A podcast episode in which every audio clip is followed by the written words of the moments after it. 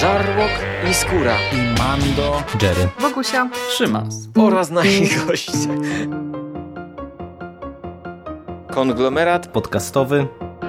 Wasze ulubione podcasty w jednym miejscu. Zapraszamy. Zapraszamy. Zapraszamy. zapraszamy. Zapraszamy!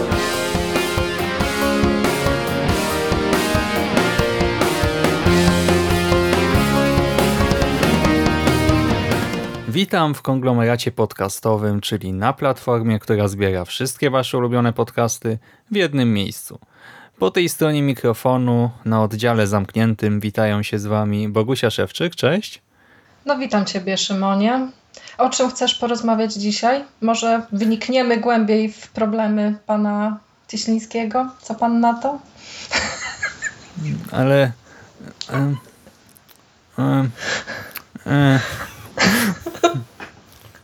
A mogę się przywitać? Możesz, ewentualnie możesz. Także Dobrze, więc witam słuchaczy, witam słuchaczy, witam słuchaczy i słuchaczki Szymon Cieśliński. Z tej strony, e, jak już zapewne wiecie, tak z nazwy podcastu, z grafiki e, na stronie, porozmawiamy sobie dzisiaj o locie nad kukułczym gniazdem. Ogólnie jakoś tak ostatnio się zgadaliśmy, trochę przy, przypadkiem, nie, czy ty widziałaś... E, ja coś napisałem chyba na Facebooku, nie? I zobaczyłaś, że będę że czy- czytał czy, i oglądał, czy jakoś tak się zgadaliśmy, nie? Mhm. Tak, bo ty najpierw pytałeś o to, czy ktoś słuchał audiobooka, a potem rzuciłeś A, zdjęcie z biletami na transatlantyk i tam był y, w, w oznaczeniach właśnie lot nad kukułczym gniazdem i pomyślałam, pomyślałam sobie o rany, Szymas będzie słuchał i oglądał, to takiej okazji nie można przegapić, bo ja muszę powiedzieć, że lot nad kukułczym gniazdem i to, że dzisiaj właściwie n- nagrywamy podcast na ten temat, to jest spełnienie takiego mojego podcastowego marzenia trochę, bo jak zaczęłam się zastanawiać nad tym, czy w ogóle kiedyś będę nagrywać i co miałabym do powiedzenia, to e, Lot nad kukułczym gniazdem był e, taką jedną e, z wielu książek i filmów przy okazji też, o których chciałabym koniecznie opowiedzieć. Także marzenia się spełniają. Mhm. I mamy też, znaczy może nie tyle różne podejścia, co trochę różnie obcowaliśmy z tymi tekstami. Yy, My dzisiaj się skupimy akurat na książce, pewnie w ciągu tygodnia też porozmawiamy sobie o filmie, a dzisiaj skupiamy się na książce i ja Książkę posiadam też od jakiegoś czasu, a nawet jest tak e, u mnie dość na widoku e, na regale, co nie jest takie oczywiste w moim przypadku tysięcy książek gdzieś poupychanych po szafkach, pod łóżkiem e, i w kartony. Ale lot nad kukułczym gniazdem e, trafił e, no, na takie dość e, dobre miejsce, właśnie na samą górę jednej takiej dużej witrynki. E, Tylko no jakoś, wiesz, tak przekładałem jego lekturę cały czas, ale teraz stwierdziłem, że pójdę na ten lot nad kukułczym gniazdem filmowy, na Transatlantyk, bo co ciekawe, ja właśnie książki wcześniej nie czytałem. Słyszałem o niej sporo dobrego, ale tak naprawdę nawet do końca nie kojarzyłem fabuły jakoś szczegółowo. Bo... Tylko miałem taki ogólny zarys w głowie. No a to przez to, że znaczy to, to trochę tak się jedno z drugim wiązało, że filmu też nie widziałem całego chyba nigdy. Widziałem jego fragmenty na pewno jakieś, bo teraz też jakieś tam pojedyncze scenki no pamiętałem skądś, nie wiem skąd, chyba z telewizji, no bo skąd, y, z jakiego innego miejsca. Ale całego filmu nie obejrzałem, a potem znowu tak wiesz, a filmu nie oglądałem, bo chciałem książkę przeczytać, książki nie czytałem, bo zawsze było coś innego do czytania, no i teraz mówię, dobra, jak już idę na film, to muszę szybko znaleźć audiobooka, albo właśnie tę książkę, tylko ta książka też, e, ona mi się tak dosyć gruba wydała, jak ją wziąłem w rękę jakiś czas temu w domu. Mówię, dobra, to machnę audiobooka, zwłaszcza, że znalazłem audiobooka, e, który e, miał chyba tylko 6 godzin. No to mówię, 6 godzin idealnie, mam tydzień, no to gdzieś tam w wolnej chwili e, sobie na pewno zdążę, nie? E, No właśnie, i to był mój pierwszy kontakt. A ty natomiast, jeżeli chodzi o książkę, ile razy ją czytałaś? O rety. W, o, w mojej rodzinie, y, kiedy chodziłam do liceum, pojawiła się właściwie po raz pierwszy taka rodzinna legenda, bo e, mój dziadek uwielbiał wszystkie książki związane z Indianami i kiedyś opowiadał mi o tym, że jest taka opowieść, w której ogromny Indianin y, jest zamknięty w szpitalu dla umysłowo chorych i tam spotyka pewnego szalonego nomen omen Rudzielca. I ja zakodowałam sobie to w głowie, a Lot nad kukułczym gniazdem przeczytałam po raz pierwszy w klasie maturalnej. I właściwie od tamtego czasu to czytam tę książkę co roku. Hmm. To jest bez wątpienia opowieść mojego życia. To jest bez wątpienia ta książka, która no, jest tą chyba najważniejszą, jeśli y, ktoś kiedyś zmusiłby mnie do tego, żebym wybrała jedną, jedyną opowieść, y, która odcisnęła w sumie na mnie y, największe piętno, chociaż to może nie- niedobre słowo, która miała na mnie jakby największy wpływ i, i, i zrobiła to ogromne wrażenie, no to Lot nad gniazdem byłby właśnie tą, tą opowieścią. Za każdym razem jest inaczej. Teraz jak przygotowywałam się do podcastu, to E, powiem, że trochę mm, dziwnie mi się do tej książki wracało, bo mm, nigdy jeszcze nie patrzyłam na nią w sposób taki e, analityczny może, t- Mhm. po- pod kątem takim, że wiedziałam, że będziemy o tym rozmawiać. W ogóle jestem w szoku, Szymon, że gdzie, gdzie, ty się uchowałeś? Jak to jest możliwe, że nie, nie, czytałeś książki i nie widziałeś filmu? To tak... I przepraszam, ja, ja jestem, jestem tym, tak, w cudzysłowie, który nie widział Gwiezdnych Wojen, więc wiesz. A, a no, to wszy- no to wszystko jasne. No, ale ten, okazuje się, że te zaległości w każdej chwili można nadrobić i ja też trochę myślałam przed tym nagraniem o tym, jak w ogóle będziemy rozmawiać na temat tej powieści i tak przyszło mi w pewnym momencie do głowy to, że na temat lotu powiedziano i napisano już chyba wszystko, ale potem tak zastanowiłam się nad tym dłużej i e, uważam, że tak długo, dopóki będzie ktoś, kto jeszcze tej historii nie zna, e, ktoś, kto będzie te, poznawał tę opowieść po raz pierwszy, no to warto rozmawiać, bo każdy odbiera to jakby przez pryzmat tych swoich indywidualnych doświadczeń. Mhm, A poza tym właśnie to przekonanie, że każdy czytał, każdy widział, każdy zna, Mhm. no ono jest mylne i o tym mówiłem też w tym moim podcaście o literaturze jakoś zaraz na początku, jak konglomerat powstał, to już Tak. ile z dwa lata temu, więc ja się zgadzam, że warto mówić, zwłaszcza o takich ważnych tekstach kultury, nie? No bo tam jakieś e, pulpowe śmieci, no to już powiedzmy okej, można sobie odpuścić, ale lot absolutnie należy do tej wyższej półki literackiej i my już dzisiaj to ustaliliśmy ze sobą rano, e, że e, nie będziemy się bawili w jakąś osobną strefę spoilerową. Na wstępie powiemy, no to jest ważna e, książka, to jest ciekawa książka, doceniona na świecie. Ona w 2005 roku została umieszczona przez magazyn Time na liście 100 najważniejszych anglojęzycznych powieści w historii i to znalazła się na 68 pozycji. Ktoś może powiedzieć, no to nie tak wysoko, no ale wiecie, najważniejsze anglojęzyczne, anglojęzyczne, nie? których jest wiadomo też ile, e, powieści w historii, no to to jest tak naprawdę wysoka lokata, to jest, e, no na to trzeba zwrócić uwagę i my po prostu, no jeżeli ktoś nie zna tej historii, to zachęcamy, żeby ją poznał. Z drugiej strony ja też nie wiem, czy spoilery koniecznie muszą coś popsuć, bo e, no, to jest taka opowieść, że nawet jak się ją zna, właśnie tak jak mówisz, nie czytasz ją co roku i to nie jest tak, że nagle e, Tak. te emocje mocno bledną, nie? To nawet znając fabułę, przeżywa Absolutnie. się ją bardzo mocno. Mm-mm. Ona nawet y, z roku na rok, y, w momencie, kiedy człowiek, y, to znaczy ja jako czytelnik dojrzewam, to ona też nabiera zupełnie różnych znaczeń. Znając zakończenie tej opowieści i mniej więcej ten tok fabuły, te wszystkie wydarzenia, które do niego doprowadzają, można też skoncentrować się na innych zupełnie aspektach, bo y, trzeba powiedzieć, że Lot nad kukułczym gniazdem jest książką wyjątkową, wielopłaszczyznową. Tutaj można mm, na, na, naprawdę spojrzeć na nią z, z zupełnie różnych y, kątów i z każdego tego punktu widzenia będzie ona wartościowa. Hmm. No i właśnie w temacie spoilerów też, no umówmy się, to jest książka chyba z 62 roku, więc też e, no właśnie nie będziemy się bawili w osobną strefę, tylko przechodzimy e, już do konkretów. Zaczniemy oczywiście od wprowadzenia do fabuły, czy też przypomnienia dla tych, którzy ją dos- doskonale znają.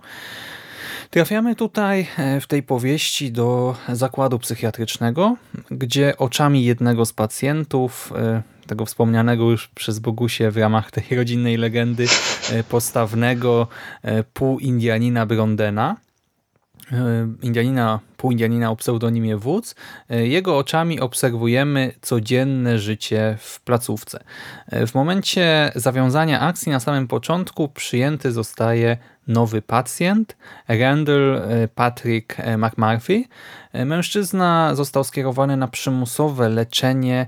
Wszystko jednak wskazuje na to, że sam o to zadbał. Sam o to zabiegał, by nie musieć odbywać reszty wyroku na farmie penitencjarnej. Tam wiadomo musiał pracować e, codziennie, a e, życie w psychiatryku wydaje mu się przygodą, jakimś specyficznym urlopem, e, więc jest oczywiście zadowolony. W ogóle wyróżnia się bardzo na tle innych pacjentów, bo już od pierwszych minut na oddziale jest strasznie żywiołowy, zadziwia ludzi radością, takim pozytywnym podejściem do wszystkiego, szybko nawiązuje kontakty z innymi pacjentami i to zarówno z tymi na kuracji czasowej, jak i z chronicznie chorymi. E, do tego wprowadza w ten sposób odrobinę świeżości e, do tej no raczej jednak szarej, smutnej e, codzienności, egzystencji na oddziale, e, to jednak nie podoba się e, pracownikom. Przede wszystkim siostrze Ratchet, siostrze zwanej Wielką Oddziałową.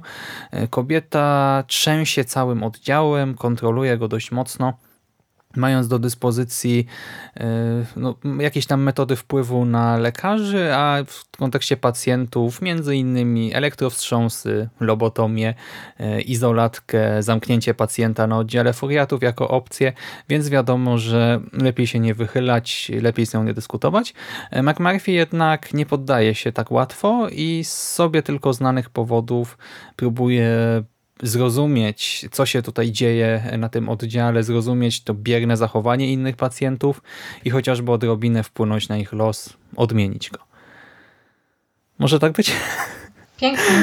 Bardzo ładnie to powiedziałeś. Wszystkie najważniejsze rzeczy, które e, w, w fabule się znajdują, to Szymas podsumował, także teraz nic, tylko rozmawiać o szczegółach.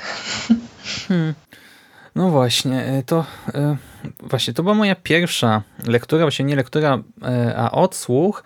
Słuchałem wersji w interpretacji Zbigniewa Zapasiewicza i od razu muszę powiedzieć, że ona jest świetnie czytana. Naprawdę to, jak Zapasiewicz oddaje różnych pacjentów głosem, czy też samą siostrę, on ją trochę przerysowuje. Ona y, mówi jak jakiś taki karzeł, żaba, czy coś takiego sobie trochę wyobrażamy, gdy słuchamy tego jego głosu, ale to, to naprawdę dobrze gra y, jako właśnie audiobook. Naprawdę każda postać żyje swoim życiem tutaj. To interpretacji, tylko że problem polega na tym, że to jest wersja trochę skrócona. Nie wiem dokładnie o ile scen, no bo nie porównywałem jeszcze Y, miałem trochę taką ochotę przez chwilę, stwierdziłem, że nie, no trzy razy ta sama opowieść w ciągu tygodnia, jeszcze tygodnia, gdzie jestem 11 razy w kinie, y, no nie, trochę to jednak by było za dużo, więc sobie odpuściłem, ale tak czy siak, y, gdybym nie wiedział tak, że to jest wersja okrojona, to prawdopodobnie nawet bym tego nie odczuł, bo wszystko to, co zostało skłania, składa się na spójną całość. I muszę powiedzieć, że ja tego słuchałem właśnie tak pospiesznie, nie? dosyć y, tak, y, z takiego narzuconego sobie obowiązku, ale pomimo tego y, przeżywałem tę lekturę od samego początku. Ta sama perspektywa narracyjna, nie? nasz Indianin, który mówi i postrzega świat no, w specyficzny sposób, bo on jest zwłaszcza na początku, znaczy na początku, no, przez dłuższą część troszkę paranoikiem, kurczę, no to było coś niesamowitego, tak po prostu jako przeżycie literackie, nie ten jego strumień świadomości mhm. momentami płynęło się z tym, a cała opowieść, e, ja ci powiem, że się twardo trzymałem, bo płakałem dopiero na finale. Oj, to nie, to ja miałam e, od, już przy pierwszej lekturze miałam e, taki moment załamania w pewnym fragmencie, o którym może powiemy trochę później. I ja y, nawet cieszę się, że my rozmawiamy o tej książce w sumie tak szybko, bo y, muszę powiedzieć, że za każdym razem, kiedy czytam Lot nad kukułczym gniazdem, to ja wnikam w ten świat całkowicie. Już od tych pierwszych, od tego pierwszego zdania o y, czarnych sanitariuszach w białych uniformach, którzy spacerują tymi korytarzami, to ja po prostu zanurzam się w tę opowieść i jestem w niej totalnie. To jest trochę przerażające, że e, przez ostatnie kilka dni ja właściwie non-stop myślałam o tych bohaterach i cały czas zastanawiałam się, mm, co, co też jest takiego niesamowitego właśnie w postaci zarówno wodza Szczoty, jak i w, w, w, konstrukcji te, takiego łobuza jak McMurphy. I ja chyba nigdy nie będę wiedziała, y, i na tym polega siła tej książki, y, co jest w niej właśnie takiego wyjątkowego. McMurphy jest postacią niesamowitą. To jest właściwie ten bohater, który przy tych pierwszych lekturach, y, kiedy czyta się tę książkę pierwszy raz, drugi, trzeci, y, to my czekamy na to, aż on się pojawi. Y, teraz, jak przygotowywałam się do podcastu, to miałam pewien problem z tym, jak ta książka jest pisana. Właściwie nigdy nie zwróciłam na to uwagi, ale sposób, w jaki wódz o tym wszystkim opowiada i te właśnie jego niby wizje, które są wynikiem tego, że e, autor pisał Lot nad kukułczym gniazdem głównie pod wpływem e, narkotyków, bo brał udział w różnych eksperymentach właśnie e, związanych z działaniem środków odurzających, no to po raz pierwszy teraz zwróciłam uwagę na to, jak naprawdę zbudowane są te wizje i jak czasami ja jako czytelnik razem z autorem gubię się w tym, co jest prawdą, a co jest ułudą w tym świecie.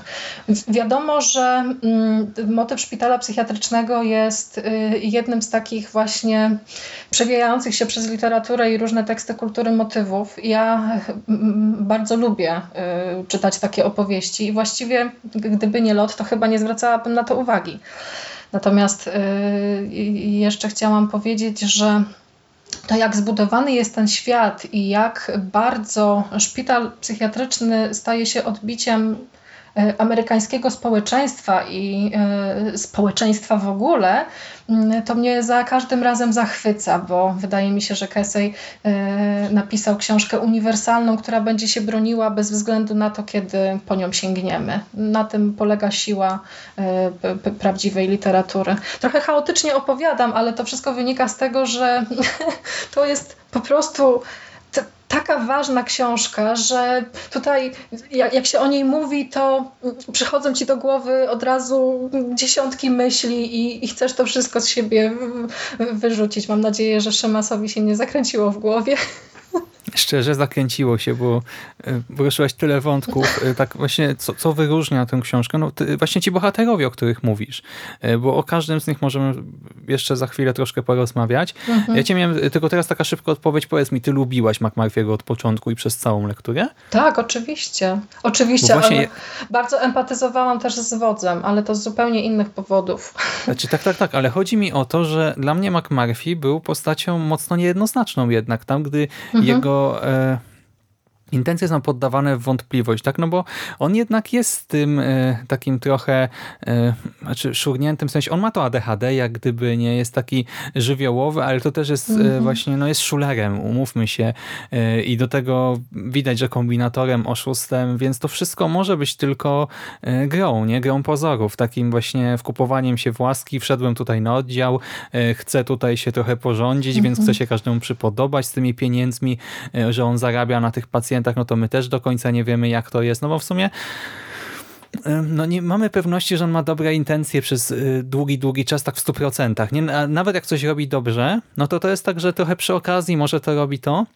Ostatecznie oczywiście okazuje się, że y, y, on, jego system wartości jest no, godny podziwu, także on jednak pomimo wszystko stawia dobro tych ludzi ponad całą resztę.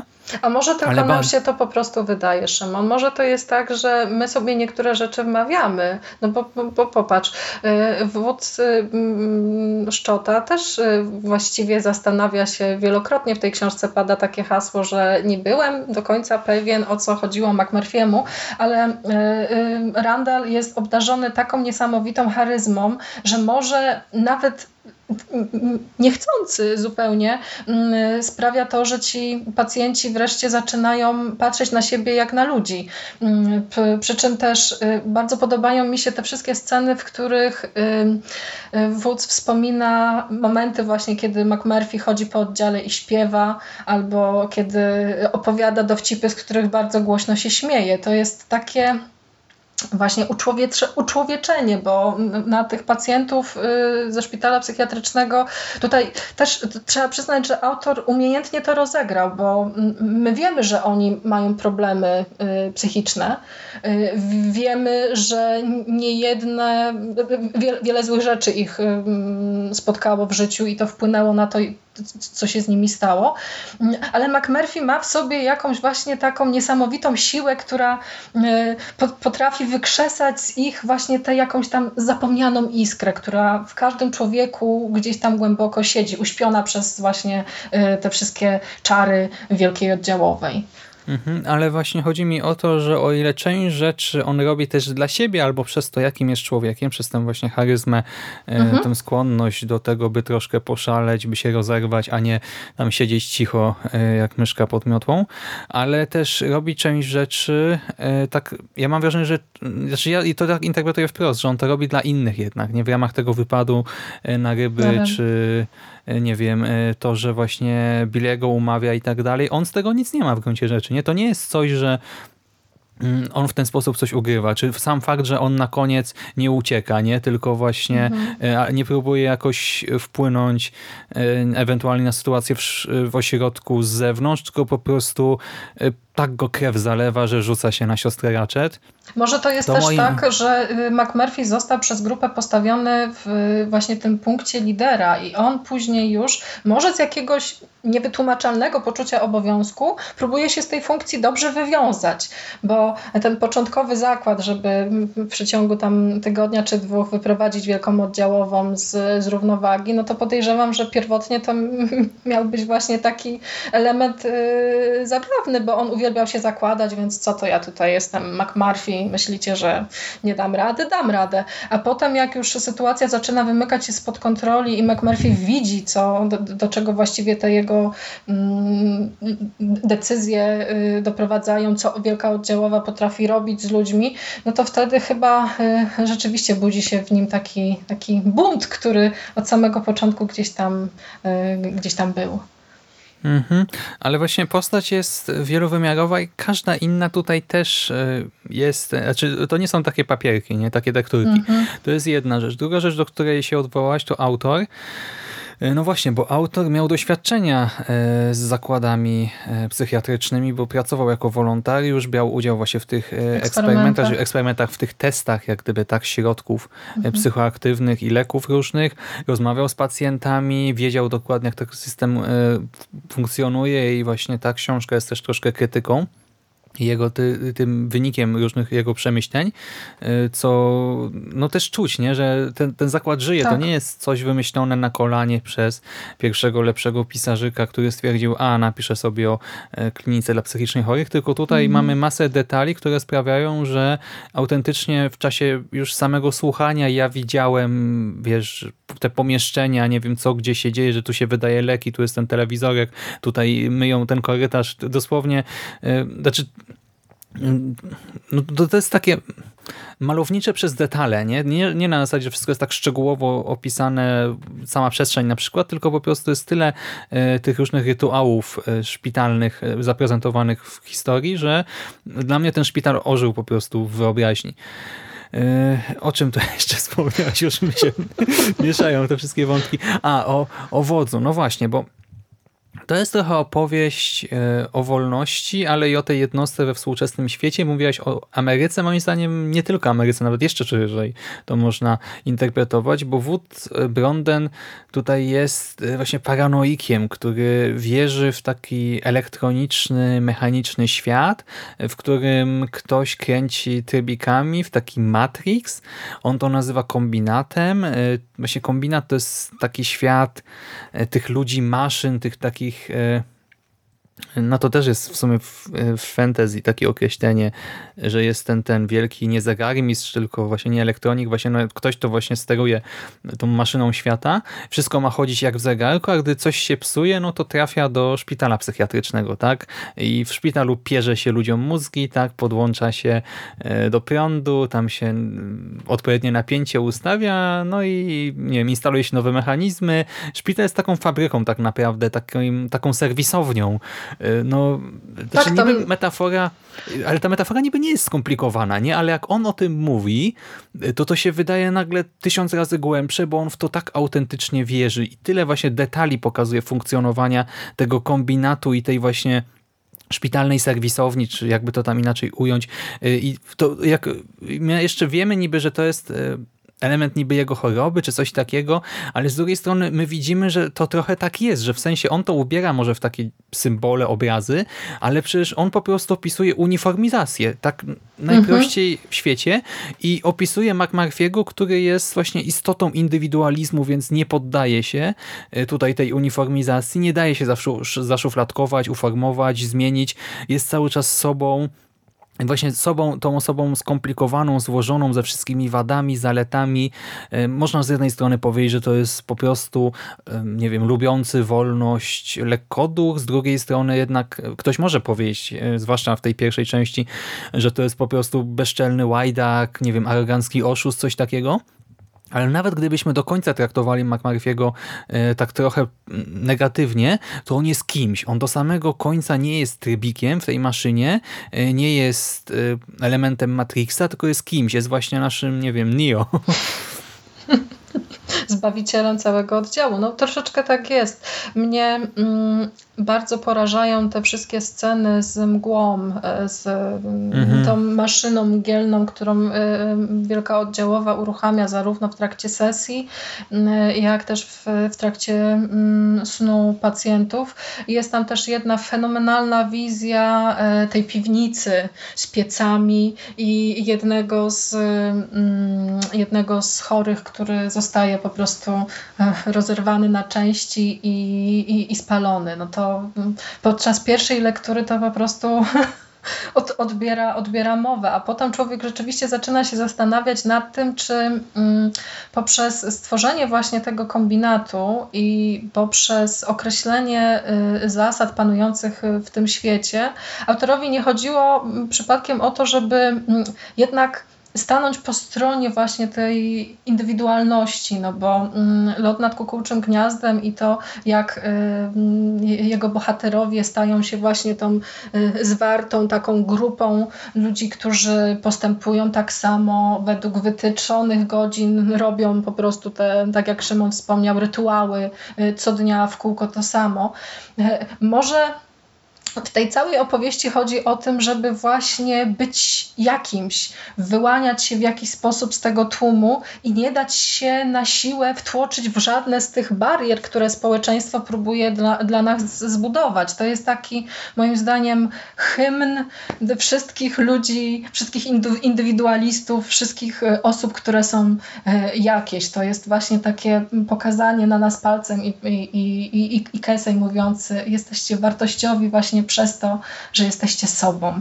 Od początku do końca, bez względu na to, co się dzieje. Y, Że y, autor używa właśnie takich jakichś tutaj mm, wymyślnych trochę metafor, y, no to ja się absolutnie do tego nie, nie mam żadnych zastrzeżeń. To właśnie wynika wszystko z tego, w- w jaki sposób ta opowieść powstawała i czego ona właściwie dotyczy. No bo mm, to jest w sumie bardzo dobra metafora y, takiego zmechanizowanego świata, w którym y, kiedy odstajemy, no to wystarczy otworzyć nam głowę i włożyć tam jakiś nowy, nowy trybik. Jak nam się zepsuje jakaś część, to po prostu dokręcić śrubeczkę. No to to A jest... poza tym to też chodzi o to, przecież y, szpital psychiatryczny jest dla osób nienormalnych, tak? Czyli Co to jeżeli znaczy być uznajemy, nienormalnym? Tak, uznajemy, że ktoś właśnie komuś wypadł trybik, jesteś nie, nie jesteś normalny, tak? Nie jesteś dobrze Mhm. z funkcjonującą maszyną, idziesz do szpitala psychiatrycznego i tam ci ten trybik włożą, tak? Czyli cię unormują, y, Tak. unifikują, nie? Czyli no właśnie Zredukują niby. do tego schematu, w który na, na siłę społeczeństwo usiłuje nas wtłoczyć. Tak? Staniesz się jednym z wielu takich samych, y, nie mających nic wartościowego do powiedzenia, żyjących według właśnie wytyczonych y, społecznie norm. To, to jest opowieść o buncie w takim właściwie całkowitym, totalnym aspekcie o tym, jak, y, jak warto w życiu właśnie iść pod prąd. Kurczę, ale się fajnie o tym rozmawia. Hmm, ale właśnie bunt, y, indywidualizm, uniformizacja, czyli też wolność, nie? Po prostu, bo o tej walce też w postaci McMurphy'ego z aparatem represji i Mhm. to mi się też podobało, że ten szpital, e, znaczy okej, okay, w tych wizjach na przykład, o których, te wizje są trochę upiorne, nie? ale sam są. szpital e, na pierwszy rzut oka e, i zresztą w sumie też przez jakiś stosunkowo dłuższy okres, on, ta rzeczywistość szpitalna nie jest taka straszna. To znaczy, no bo jednak umówmy się, tak, to jest miejsce dla tych może nie jakoś szczególnie niebezpiecznych, ale jednak chorych ludzi, których trzeba jakoś tam kontrolować. Nie pacjenci są poddawani terapii grupowej lub indywidualnej. Na oddziale panują po prostu konkretne zasady, które y, można, przynajmniej w teorii, nie, bo tak myślimy przez długi czas, że to jest bezproblemowe, zmienić w demokratycznym głosowaniu. Nic pewne, tego. rzeczy, pewne rzeczy są zakazane, nie? No, ale to jest jednak też właśnie szpital psychiatryczny, więc y, no, tak jest, nie? No, wydaje się to normą.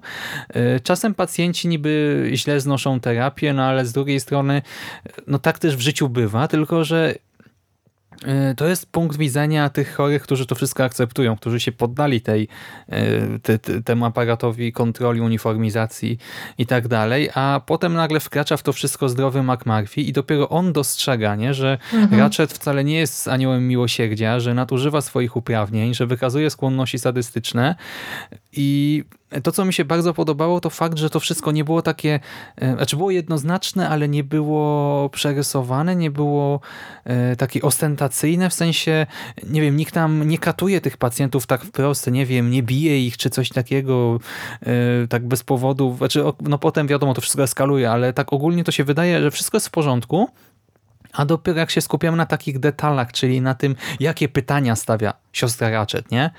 Mhm. pacjentom na przykład w czasie tej terapii, y, gdy sobie uświadamiamy, że ona zna ich lęki, a wcale y, zamiast tak, zamiast je łagodzić, to ona je wykorzystuje, żeby ich no, zgnoić za przeproszeniem, tak, upokorzyć, zmanipulować, albo że widząc, że pacjent cierpi, nakręca to wszystko jeszcze bardziej, zamiast właśnie zmienić chwilowo tok dyskusji czy coś takiego, wow, i, i nagle y, to zaczyna nas, nas boleć jako czytelnika, w sensie, bo empatyzujemy z tymi pacjentami, więc y, no, odczuwamy wtedy wówczas też niepokój, dyskomfort, y, a zarazem y, jak rośnie w nas nagle ta, te, rosną te negatywne emocje względem siostry Ratchet. Ja miałem takie momenty, że dosłownie po prostu, wiesz, ja robiłem różne rzeczy słuchając tego audiobooka, ale takie czynności mechaniczne i dosłownie bywało tak, że się zatrzymywałem, zagryzałem zęby i tam, wiesz, już łacina przez te zęby szła. Jak sobie myślałem, ty bawo wredna, tak, po prostu,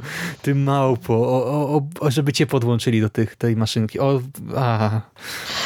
Znaczy, y, ja muszę tylko odwołać się do pewnej rzeczy, z którą troszeczkę się nie zgodzę, a wynika to zapewne z faktu, y, że ty czytałeś tę książkę tylko raz, ale y, mhm. zapewniam was, że przy kolejnych lekturach to te wszystkie fragmenty związane z tym, jak wygląda właściwie życie pacjentów w szpitalu psychiatrycznym, Kesey je mm, umiejętnie poukrywał.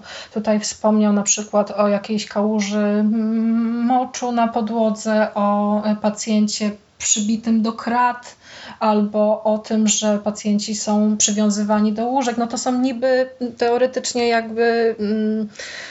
No, no, normalne, w cudzysłowie, y, rzeczy, które dzieją znaczy się w dopuszczalne, dopuszczalne, tak, rzeczy, które o, są standardem o, to jest w danym czasie. Bo to też... Tak, tak, ale w, mhm. w, sposób, w sposobie, w jaki mm, y, Bromden y, o tym opowiada, jest coś właśnie takiego niepokojącego. Jest też coś mm, strasznego w sposobie, w jaki sanitariusze rozmawiają z tymi pacjentami.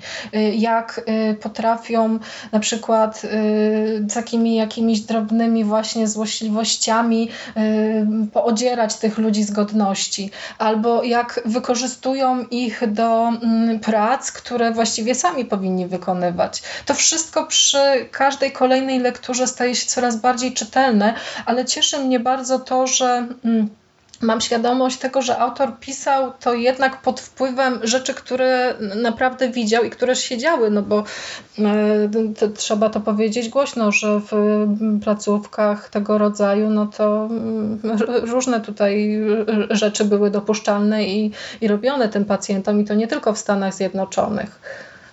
I, mm. i to, to, w jaki sposób autor to wszystko poopisywał, ale tak właśnie też y, z wyczuciem, nienachalnie, no to to jest e, e, Naprawdę klasa, klasa sama w sobie. A odnośnie Wielkiej Oddziałowej, no to, to chciałabym też powiedzieć, że mm, od samego początku odniosłam wrażenie, że to jest y, też taka postać totalna trochę, ale czuję, że mm, jest odrobinkę przerysowana, no bo jak w mm, takiej sympatycznej w sumie, uśmiechającej się kobiecie może być aż, aż tyle zła. Skąd to się bierze? No ale Y, przecież to jak ci seryjni mordercy z sąsiedztwa, którzy Mhm. zapraszali y, wszystkich na grilla z okolicy, pomagali budować miejscowy kościół, Mhm. a w wolnych chwilach zakopywali ludzi w ogrodzie, nie? No, Mm, Tak, to jest dokładnie ten sam mechanizm, tylko tutaj y, działa to podwójnie, ponieważ y, siostra, siostra Ratchet jest y, opisana jako osoba, która ma tym pacjentom pomóc.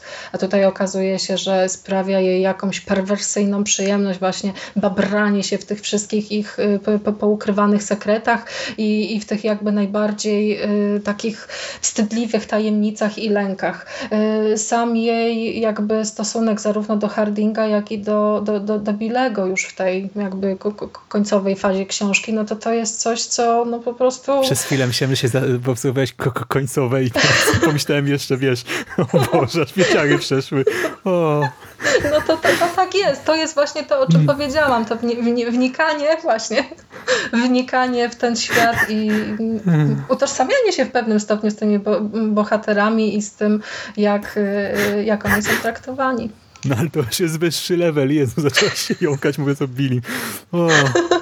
To jest Grubo, nieświadome, przepraszam. Ale naprawdę, nie mam bezdech.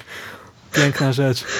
Nie, ale właśnie, i zobacz, i mówisz o tym, że mm, właśnie, że to widać y, przy którejś lekturze, no właśnie, im bliżej się temu, im bardziej się temu wszystkiemu przyglądasz, nie? I my też właśnie, ja przy tym pierwszym obcowaniu z tym w pierwszej chwili, znaczy też na przykład, wiesz, nie podobało mi się to, że wódz na początku ma sprzątać, nie? No ale tak sobie pomyślałem, no z drugiej strony, nie wiem, może no nie wiem, może to jakoś zostanie rozwinięte, z drugiej strony no, ma jakieś zajęcie, może mu to nie przeszkadza, tak nie wiem, no bo on też tak y, z jednej strony jest trochę apatyczny tam, y, a z drugiej strony no to też nie czuć, że mu się dzieje jakaś wielka krzywda, nie? Tak dlatego nie chciałem też oceniać. Y, Ale Właśnie mamy tych pacjentów, którzy jednak są w pewnego rodzaju piekle, bo no to jest trochę więzienie dla nich, do tego, tak jak powiedziałaś, siostra Ratchet ma im pomagać, a tak naprawdę ich krzywdzi. I tutaj dochodzimy do tej informacji w pewnym momencie, że tam część osób jest dobrowolnie.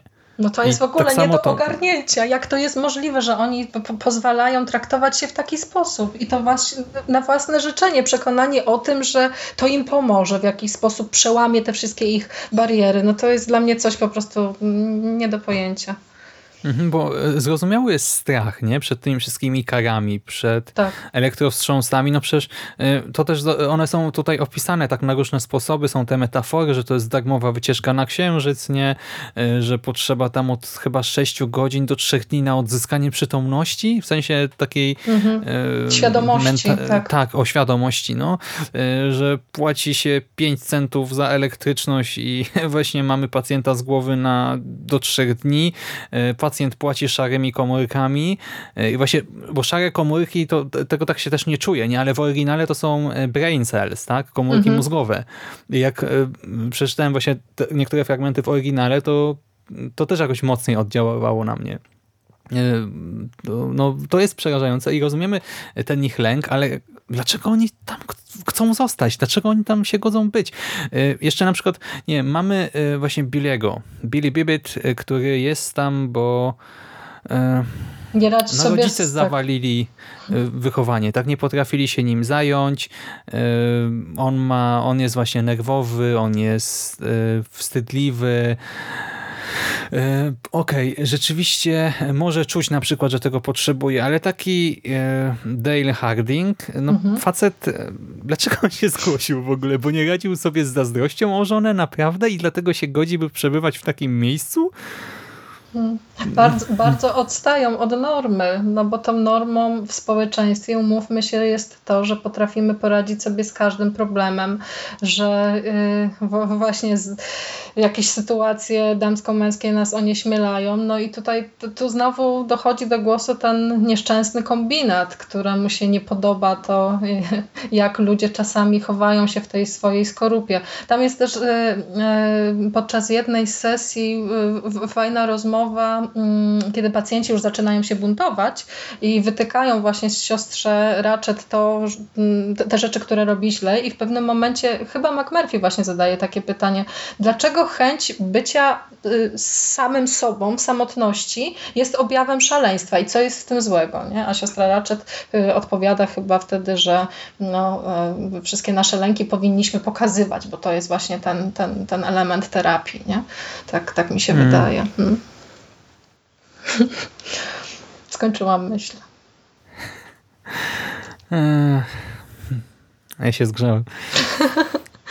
Porozmawiajmy jeszcze trochę na temat y, może wodza, bo y, y, jego historia jest jedną z wielu w tej książce, ale chyba taką właśnie z biegiem czasu coraz bardziej mi bliską, bo ja już wspomniałam o tym na początku nagrania. Sceną, która mm, najbardziej mnie wzruszyła i najbardziej poruszyła, jest ten moment, kiedy wódz którego wszyscy mają za osobę właśnie e, głuchoniemą, e, osobę, która nie słyszy, nie mówi. E, w pewnym momencie dziękuję McMurphy'emu za, za gumę do rzucia. To jest mhm. taki fragment i już podczas właśnie tego pierwszego czytania nagle pomyślałam sobie, że ale, ale zaraz, że co?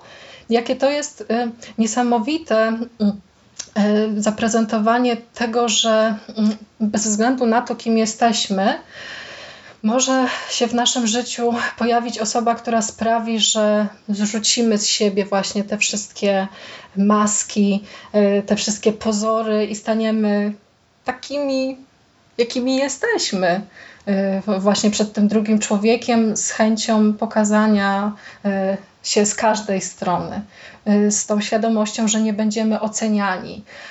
I później mm, ten moment, kiedy wódz ucieka z zakładu i robi to właśnie w ten spektakularny sposób, jest taką fantastyczną klamrą, która e, domyka całą jego historię, bo my e, w pierwszej scenie mm, i przez pierwszą część książki widzimy wodza jako człowieka totalnie zduszonego, e, bojącego się właściwie swojego cienia, to można to tak mhm. powiedzieć. On obawia się sanitariuszy, on e, przyjął postawę właśnie całkowicie bierną, człowieka takiego, który no, woli się właśnie nie wychylać.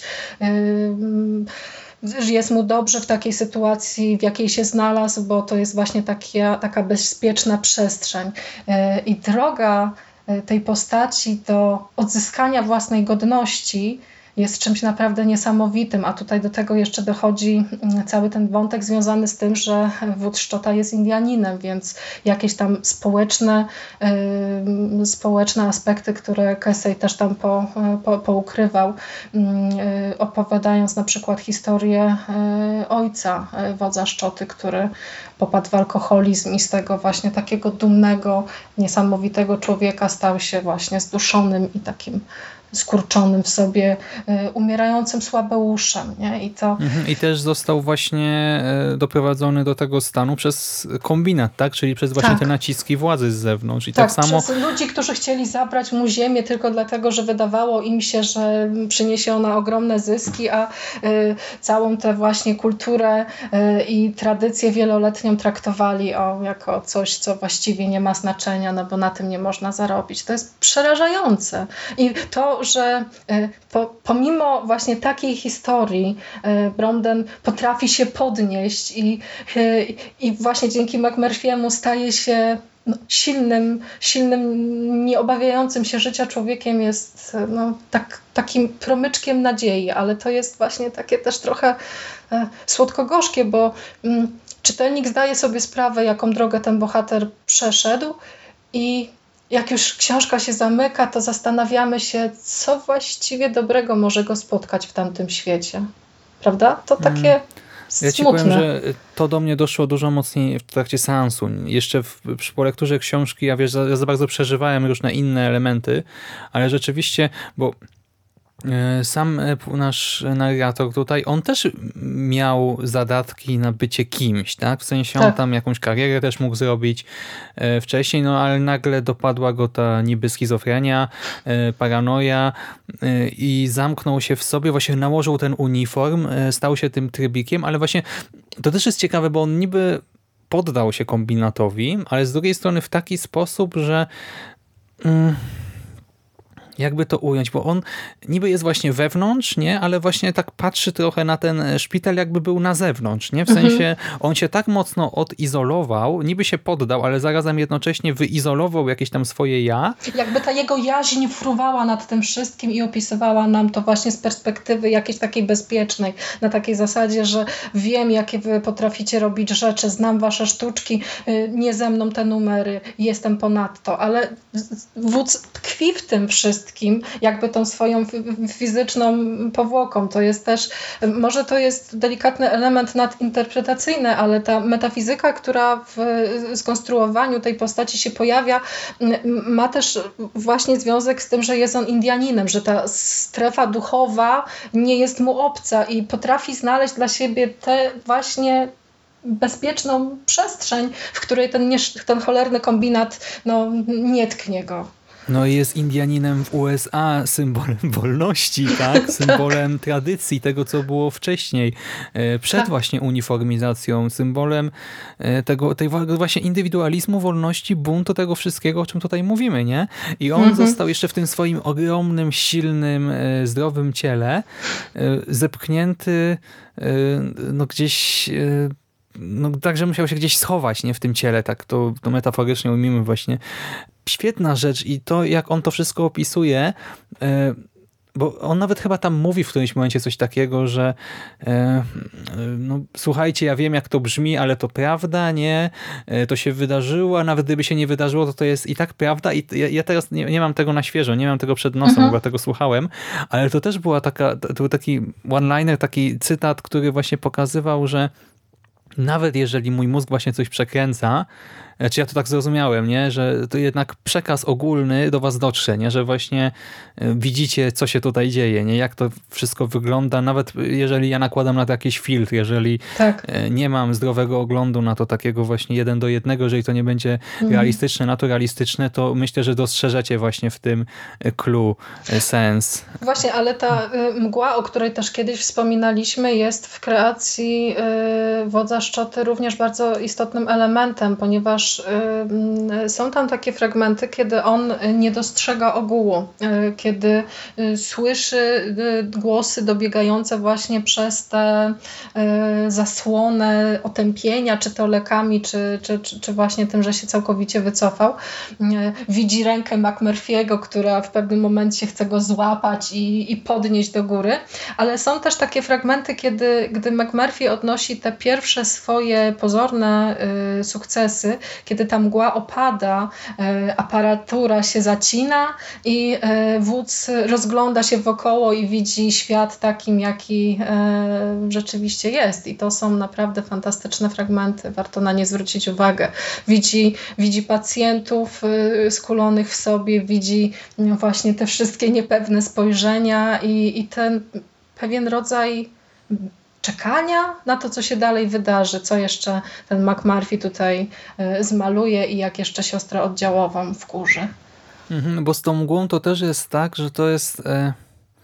Znaczy z jednej strony metafora otępienia, ale z drugiej strony też mgła jest bezpieczna, nie? Ona jest metaforą tej, tej, tego takiego, tej ucieczki może, tej takiej Mhm. bezpiecznej przystani, która jednak e, właśnie nie jest e, wyzwoleniem, a po prostu mm, takim trochę odcięciem się od ryzyka, od odpowiedzialności i w sumie to trochę też, trochę tak jest z, tą kliniką, nie? Że oni tak myślą, że to im pomoże, a w gruncie rzeczy tak trochę wchodzą do takiego więzienia, no i właśnie niby są tam bezpiecznie, ale ta, to bezpieczeństwo jest pozorne, właśnie są we mgle, mają zaburzony ogląd na wszystko.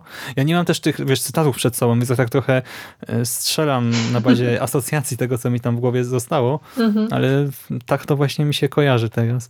No i co wszystko prowadzi nas do tego finału wielkiego, nie? gdzie e, dochodzi do e, imprezy pożegnalnej, e, gdzie Billy Bibit, który właśnie przez tą swoją, no przez to wychowanie nie najlepsze mamusi, no ojca pewnie też, jest taki właśnie strasznie wstydliwy, ale no widać, że on jest też jednostką bardzo wrażliwą, emocjonalną, przeżywającą wszystko i y, no, takim chłopakiem, który nie doświadczył miłości, a bardzo by tego chciał. No i McMurphy mu trochę w tym pomaga. Na swój a sposób. Potem, E, tak, e, no ale z drugiej strony, no bo też właśnie dzisiaj jak się na to patrzy, nie, no to tak też można by, nie wiem, kręcić nosem czy coś. Myślę, jakbym to pokazał mm, komuś w wieku, nie wiem, 17 lat, no to też bym, nie wiem, mógł spojrzeć i tak myśleć, co tutaj się dzieje, nie? No ale mhm. to też właśnie trzeba pamiętać o tym, o jakich czasach mówimy i że to są Stany Zjednoczone i tak dalej. No a potem właśnie pojawia się siostra e, i jeszcze, e, wiesz, nic się nie wydarzyło, ale ja już po prostu byłem przerażony. Ja naprawdę, wiesz, serce mi waliło jak e, nienormalne, już łzy w oczach, już tylko czekałem. Mówię, nie, to, to, to się zakończy tragicznie. Ja, w ogóle ja ten finał przeżywałem jak, jak zieloną milę normalnie. Znaczy, okej, okay, wiadomo, że oczywiście McMurphy to nie jest, nie wiem, John Coffey czy coś takiego, ale e, obaj są tym symbolem nadziei, nie? Tego dobra w tym zdziczałym, zdziwaczałym, chorym świecie, dlatego no, wstrząsnęło mną totalnie, gdy okazuje się, jeszcze jak Bibi żył, nie? Po prostu jak zobaczyłem, jak go siostra traktuje. Ja myślałem, że może McMurphy ucieknie, może coś. E, może jednak, nie? W sensie nawet nie, roz, nie rozmyślałem w sumie, nie? Ale tak jeszcze mówię, tak może się jeszcze dużo rzeczy zdarzyć. Nawet nie załapałem, że to już jest ten, ten ostatni akt. Znaczy przedostatni, no ale już wiesz, sama końcóweczka. Mhm. I tak e, po prostu jak zobaczyłem, jak siostra traktuje Bilego, jak wiedząc doskonale o tym, że wszystkie problemy jego wynikają właśnie e, z tego autorytetu matki, e, matki, która jest beznadziejną, beznadziejna, beznadziejną wykonawczynią funkcji, roli matki i że ona no, no gnoi go jeszcze tak w momencie jego szczęścia, bo było widać, że on właśnie pierwszy raz od dawna jest tak autentycznie szczęśliwy, że osiągnął coś. Znaczy, to też tak brzmi, nie? No ale z jego perspektywy to było wielkie wydarzenie, a ona go po prostu ściągnęła z tego szczytu i wetknęła w jakąś dolinę totalną ja po prostu już byłem, wiesz, tak, takim morzem mm. agresji. ja, ja, sam bym, nawet wiesz, abstrahując od tego, że Billy po chwili popełni samobójstwo, to ja i tak, ja już wtedy bym się na nią rzucił po prostu, nie wiem, co z nią zrobił. Tutaj tak nie wolno krzywdzić Zadajmy ludzi, sobie, ale... O dobra, chciałam zapytać, zadajmy sobie pytanie, dlaczego Billy Bibit w ogóle popełnił samobójstwo. E, no, zastanawiałam się nad tym wielokrotnie i e, to też wybrzmiewa zupełnie inaczej, kiedy mm, czytamy książkę, a inaczej, kiedy obserwujemy y, to na, na ekranie, w filmie. Myślę, że może nadarzy się okazja, żebyśmy też o tym trochę porozmawiali. Y, czy Billy popełnia samobójstwo z powodu tego, y, co zrobił i jak siostra Ratchet, która w pewnym stopniu też jest jakimś tam nomen omen autorytetem w, w, jego życiu, popatrzyła właśnie na niego w taki sposób, że o ty tutaj zawstydziłeś mnie, zawstydziłeś siebie, w ogóle nie jesteś godzien niczego. Czy Billy popełnia samobójstwo dlatego, że wyrzekł się swoich przyjaciół? E, bo to trzeba też powiedzieć mhm. głośno, w, na tym oddziale te przyjaźnie się pojawiają, te więzi budują się jakby w tej wspólnej niedoli i mm, ta nadzieja, którą McMurphy wnosi jest prawie że namacalna i teraz e, w chwili tej największej próby jakby e, Billy się odwraca, e, Billy zaprzecza, a McMurphy jednak dochowuje właśnie wierności swojemu przyjacielowi. Nie, nie wiem, jak to, nie wiem do końca, mm, jak odczytać to, e, to, to, to samobójstwo. E, ale chyba to jest dobry trop, tak mi się wydaje. Zresztą e, widzimy to wszystko z punktu widzenia wodza, więc on też może tylko gdybać, podobnie jak my. Hmm. Znaczy, no Bill jest tak jest złamany jest złamany przez Ratchet, nie, nie, nie, przez nikogo innego, tylko ona doskonale wie, że on się boi y, utraty tej matczynej miłości, a znowu jego matka jest despotką mhm. i dlatego właśnie nie, nie zgodzi się na żaden związek ani nic, bo to jest jej synalek, tak, i on ma być właśnie takim, taką ciamajdą dla niej, bo on ma się bać właśnie świata zewnętrznego, żeby właśnie się jej trzymał, żeby trzymał się spódnicy i tyle, no a Billy no, jest jednak zdrowym właśnie człowiekiem poza tym, tak? Jedyny jego problem to to, że sobie nie radzi właśnie z tą z tym naciskiem ze strony matki. Mhm. Ale McMurphy w niego uwierzył, bo on tam w pewnym momencie mówi do niego Billy, ale jak to, ty też jesteś tutaj dobrowolnie? Przecież ty jesteś młody, zdrowy facet, powinieneś No. szaleć na świecie tutaj, wyrywać y, piękne Jeździć kobiety, kabrioletem jeździć kabrioletem. Co ty Mhm. tutaj robisz w ogóle? Ocknij się. I... No, no ale właśnie tak jest. No i, w- no, i, no i to już jest wstrząsające. Cała ta sekwencja jest tak emocjonująca, gdy jeszcze potem się okazuje, że McMurphy padł ofiarą kombinatu, tak? kombinatu systemu, aparatu represji, yy, siostry Ratchet, yy, no jak, jak zwał, tak zwał, nie? I że został poddany tej lobotomii, która z nim zabiła w nim po prostu człowieczeństwo, tak zabiła w nim indywidualizm i zamieniła go w, prawie że w warzywo to wiesz, dla mnie to było jeszcze o tyle bardziej przerażające, że wiesz, no lobotomia, trepanacja, słyszy się o tym, mówi się tak, niby rozumiem znaczenie tych słów, ale no jakoś nigdy się nie zastanawiałem nad tym, jak to działa w praktyce, nie? Gdy tutaj dostałem ten opis, Mhm. jeszcze z punktu widzenia wodza, e, czyli, bo, bo wódz, y, wódz jest właśnie symbolem wolności, siły i tak dalej, ale zarazem to jego spojrzenie jest takie dosyć niewinne, takie trochę dziecięce. Wiesz, w sensie nie, że jest złe, nie, ale jest takie proste, o może, no tak to ujmijmy. I gdy on po prostu opisuje to, że odtworzono wszystko w McMurphym, tym, który trafił na oddział, tak każdą bliznę, każdą zmarszczkę czy coś, ale to nie jest on, bo nie ma w nim właśnie duszy McMurphy'ego, nie ma w nim tego zachowania, uśmiechu, żywiołowości, niczego, tylko no to w ogóle wiesz, to, to jako metafora, to brzmi jak metafora, nie? że właśnie Mhm. wyjęcie duszy z człowieka, a, a tutaj nie, to zrobiono mu to fizycznie, kurde, no the fuck. Tak, to jest. Y, chyba jeszcze nigdy nie byliśmy tak blisko y, szaleństwa i tak blisko tego, co drugi człowiek, co jeden człowiek może zrobić drugiemu. I to w ramach leczenia. Dobra, Hello. właśnie, właśnie, to jest, to jest właśnie ten element, chociaż umówmy się, że y, opis elektrowstrząsów jest równie szokujący i przerażający, chociaż właśnie ten motyw z lobotomią jest właśnie takim ostatecznym kopniakiem, który ta książka, który ta książka zadaje i to tak celnie, że po prostu zginamy się w pół. Y, Bo to jest trochę tak, że mm, z powodu tego mm, dziwnego sposobu, w jaki wódz Szczota patrzy na świat, my mamy nadzieję, że on się myli. My mamy nadzieję, że McMurphy jednak uciekł przez to okno. Mamy nadzieję, że w jakiś sposób udało mu się właśnie e, wymsknąć tym wszystkim łapom kombinatu, a to jest taka właśnie niezaprzeczalna sprawa. McMurphy pozbawiony właśnie tego swojego e, błysku w oku, e, bez śmiechu, bez chęci ogrywania kolegów w karty. To no, Hmm. zatrważająca konkluzja. No ale i jeszcze tutaj jakby autor już mało nas dobił czytelników, tak? Bo właśnie e, sam fakt, że e, zostali przyłapani, tak? E, Zostali nawet już nie tyle ukarani, co po prostu no śmierć jednego z nich i to jeszcze taka tragiczna, to, no to przecież to jest niewyobrażalne okrucieństwo dla postaci sieci przedstawionym.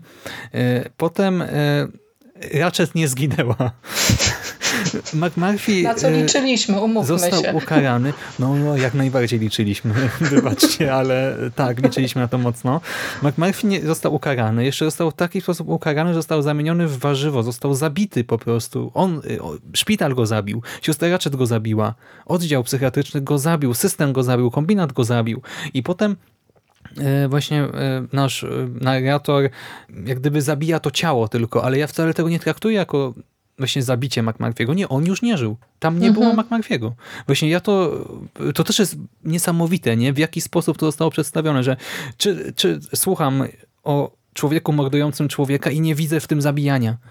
Tak. W ogóle nie, bo wiem, że to, to, to już nie jest McMurphy. A jakby tego było mało, ty już o tym wspomniałaś, teraz wracamy, bo Brandon ucieka, ale co z tego? On jest człowiekiem, który po pierwsze jest półindianinem, e, postawnym wielkim chłopem, więc kto wie, czego nie znajdą dosyć szybko. Ale nawet jeżeli ucieknie, Co go czeka? co on zrobi? Przecież on spędził połowę, czy nawet ponad połowę życia w klinice psychiatrycznej, nie odzywając się do nikogo. E, On, no co, czym ma się zająć? Ma być, nie wiem, atrakcją w cyrku jakimś? Nie wiem, może znajdzie jakiś rezerwat, coś tak się łudzę trochę, nie? Że w sumie to może gdzieś tam go przygarną jacyś bracia. Może Ale- ucieknie do Kanady, tak jak planowali z McMurphy. Może... Ale nadal, nawet jak ucieknie, w sensie wiesz, on, to też są inne czasy, nie? No wtedy też właśnie ludzie po prostu wyjeżdżali, jechali gdziekolwiek przed siebie i zaczynali nowe życie, ale to jednak, chociaż z tymi 10 dolarami w kieszeni i jakimś tam doświadczeniem, a tu mamy faceta, który był tak odizolowany i teraz ma się nagle odnaleźć na zewnątrz, czy on znajdzie w ogóle sobie jedzenie jakoś, czy coś, no to jest właśnie straszne, że niby on odzyskał wolność, a ja się, znaczy kibicuję mu, tak, ale to absolutnie nie jest happy end, to, to jest taka nadal kolejny level tego wielopoziomowego, smutnego, dołującego, deprymującego zakończenia. Właśnie, bo my rozmawiamy o tej książce jako o czymś takim właśnie strasznie przygnębiającym, ale ona chyba trochę taka jest jednak, bo e, jest w locie nad kukułczym gniazdem sporo humoru. Jest sporo takich scen e, przekomicznych, wszystkie właśnie z McMurphym i te e, momenty, jak oni nawzajem się ogrywają w karty i, e, i wygłupy. Jest w tej książce cała masa takich subtelnych niedopowiedzeń, y, takich delikatnych niuansów, ale Trzymas, powiedz mi, co sprawia, że pomimo właśnie takiego smutnego, y, takiej smutnej opowieści, my jesteśmy nią tak zachwyceni. Ja sobie na to pytanie nie potrafię odpowiedzieć. Po tylu latach, a tak jak wspomniałam, czytam tę książkę praktycznie mm, co roku. No ale to właśnie to wszystko, o czym teraz mówimy przecież. Bohaterowie, tak? Często wielopłaszczyznowi, y, a nawet jeżeli trochę prostsi, no to przecież, ale tutaj czuć, że w ogóle autor y, no ma łeb na karku i że to wszystko jest przemyślane, przecież y, nie wiem, to, że właśnie siostra Ratchet jest wielką oddziałową, nie? Tą Big Nurse, y, te nazwy właśnie, nie wiem, że mamy Black Boys, y, tych czarnych chłopców, którzy mają imiona na W trzej, nie? Tak. Jest Washington, Williams, Warren, tu wszystko jest wykoncypowane, tutaj nie ma miejsca na przypadek, to jest starannie, misternie przygotowana powieść, y, do tego bardzo mocno wpływająca na emocje. Co można usłyszeć? Bo rozmawiamy tak. o tym dość. Tak, dość e, z, z ogromnymi emocjami, które gdzieś tam i w moim głosie, i w głosie Szymasa chyba, chyba słychać. No to. No i jeszcze do tego ta cała symbolika, nie? I to też symbolika, Mhm. która jest aktualna do dziś, no bo e, cały czas i wszędzie mamy do czynienia z różnymi formami uniformizacji, tak? Nie wiem, e, w pracy, w, dzisiaj czasy korporacji, no przecież to można by napisać e, lot nad kukułczym gniazdem 2, właśnie corpo time, no sorry, znaczy w sensie, wiesz, no niby to się śmieje, ale na serio, ja jestem w stanie sobie Mhm. wyobrazić taką książkę o czymś takim w korporacji, nawet właśnie z tym samym schematem, że ktoś właśnie udaje kogoś innego, że mamy y, sympatycznego kierownika kadrowego, czy nie wiem, czy szefa y, i że na koniec ktoś ginie i że ktoś rzuca robotę w cholerę za przeproszeniem i y, nie wiem, pomimo jakiejś tam lojalki, na, w sensie wiesz, jestem w stanie to przenieść, mam wrażenie, w te realia totalnie, bo to wszystko by się sprawdziło i też moglibyśmy o kombinacie mówić. Do tego też ta powieść przecież cały czas jest kontrowersyjna mocno, tak? Ona wzbudzała duże kontrowersje, zwłaszcza w Stanach, ona była banowana przez te stanowe e, systemy szkolnictwa, tak? bo ona też była lekturą, albo po prostu była książką dostępną w bibliotekach publicznych i wielokrotnie tam gdzieś są, widziałem jakiś artykuł w necie, na Wikipedii chyba też anglojęzycznej była lista, że była wycofywana z tych list, tak, że były tam jakieś protesty, etc. Więc y, ta książka budziła i pewnie jeszcze długo będzie budzić różne kontrowersje, bo jest cały czas aktualna. E, No i to wszystko sprawia, że jest taka wyjątkowa. A kolejna rzecz, którą e, my Polacy trochę tego nie odczuwamy, ale kolejna rzecz, która świadczy o tej e, właśnie takiej strasznie detalicznej, e, mrówczej wrę- wręcz pracy autora, to jest tytuł. Bo po polsku tego nie czuć, nie? bo to jest ten lot nad kukułczym gniazdem, tak, to w tobie budziło jakieś takie skojarzenia? Jak nie wiedziałaś, nie znałaś e, tej genezy tytułu?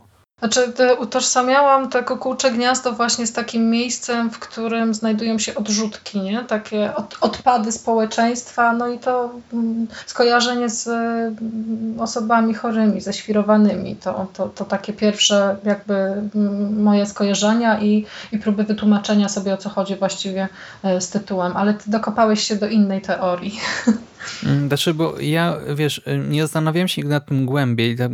Wiesz, miałem jakieś tam delikatne przemyślenia kiedyś, e, właśnie o czym to może być, ale to już nieistotne. Nie? A teraz, zaraz po lekturze zacząłem czytać, więc po prostu dowiedziałem się, e, że to jest fragment rymowanki dla dzieci. Ja wrzucałem ją na konglomerat ostatnio, właśnie w dniu, w którym nagrywaliśmy jako wpis na fanpage'u i tam e, mamy e, na koniec właśnie ten tytuł oryginalny, ostatnia linijka rymowanki One e, flew e, over the cuckoo's nest. I mamy w tej rymowance trzy gęsi, które lecą kluczem i nagle się rozdzielają i lecą w trzech różnych kierunkach, no co jest absurdalne, tak? No bo jak ptaki lecą kluczem, to nie robią czegoś takiego. I jedna gąska właśnie leci gdzieś tam na wschód, druga na zachód, a trzecia leci nad kukus nest. E, No kuku znaczy w, przecież też e, no, szaleń, oznacza też szaleńca, e, więc kukus nest może oznaczać klinikę psychiatryczną, jak sobie o tym pomyślałem, nie? O tym właśnie no, jeszcze dziecięca rymowanka w kontekście naszego Indianina, nie? E, Właśnie on też zresztą opowiada o tym, to też jest element jak fabuły w pewnym sensie, do tego ta, ta, ta, ta, dwuznaczność tego słowa i właśnie ta, ta absurdalność tego klucza, który się nagle rozdziela na troje. Wow. Po prostu y, szacunek, tak wyrazy uznania dla autora. No nie no, świetna rzecz, ciekawa i też chętnie do niej wrócę za jakiś czas. Nie jak trochę właśnie Emocje opadną. znaczy, emocje opadną, ale też y, wspomnienia nie wyblakną, żeby móc przeżywać to na nowo. Ja myślę, I że może mam- właśnie sięgnę po ten, tego drugiego audiobooka. Aha. On jest dłuższy, on ma chyba 11 godzin, czyta Jan Peszek. Jest w audiotece. To chyba jest rozsądna opcja. Ja zastanawiam się, czy o tej książce i o tej opowieści w ogóle można kiedykolwiek zapomnieć, bo to jest e, dzieło totalne e, dla mnie. E, Dzieło, które obroni się po upływie czasu i które mm, za każdym razem będzie nabierało nowych znaczeń. No co, co może być lepsz, lepszą rekomendacją? Po prostu trzeba znać. My dajemy nasz konglomeratowy znak jakości. Piątka ode mnie i piątka na pewno otrzyma sam. Kto, kto wie nawet, czy nie więcej. Musicie 5 na przeczytać. 4, tak? Inaczej się nie da, bo to naprawdę wybitna rzecz. Nie zrażajcie się trochę językiem, bo ona przy tym, pierwsze, przy tym pierwszym zetknięciu y, ze sposobem, w jaki y, y, Casey to napisał i w jaki y, polski tłumacz, y, który, który się nazywa jak, o ile dobrze pamiętam, Tomasz Mirkowicz y, to przetłumaczył, to to może być odrobinkę mm, de, de, de, delikatny szok, bo umówmy się, że na temat lotu nad kokołczym gniazdem powiedziano i napisano już tyle, że każdy z nas wytworzył sobie specyficzny obraz tej opowieści. Y, Każdy z nas wyobraża sobie, jaka ona może być. Nie zrażajcie się tą warstwą językową. To jest naprawdę coś wyjątkowego, y, co zmieni wasze życie. Tyle. Mm. I tym akcentem myślę, że zakończymy i po prostu za jakiś czas będziemy kontynuować tę dyskusję przy recenzji filmu e, z roku 75 e, w reżyserii Milosza Formana. A dzisiaj właśnie zakończymy. Dzięki Ci serdeczne. Już, już nie bawmy się w te siostry i to, bo aż się Nie. zgrzałem. Bo, potem to Dziękuję, zabrzmiał jako belga. dziękuję Ci bardzo za rozmowę. Było wspaniale. Dokładnie tak sobie to wyobrażałam, że jak będę rozmawiała o locie nad kukułczym gniazdem, to będzie tak. Dziękuję i do usłyszenia. Cała przyjemność po mojej stronie. Wam również słuchacze. Dziękujemy serdecznie. Trzymajcie się ciepło. Do następnego razu. Cześć. Cześć.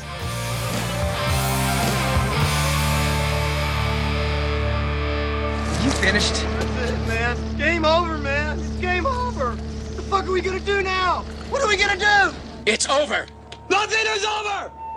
Nothing! You just don't turn it off!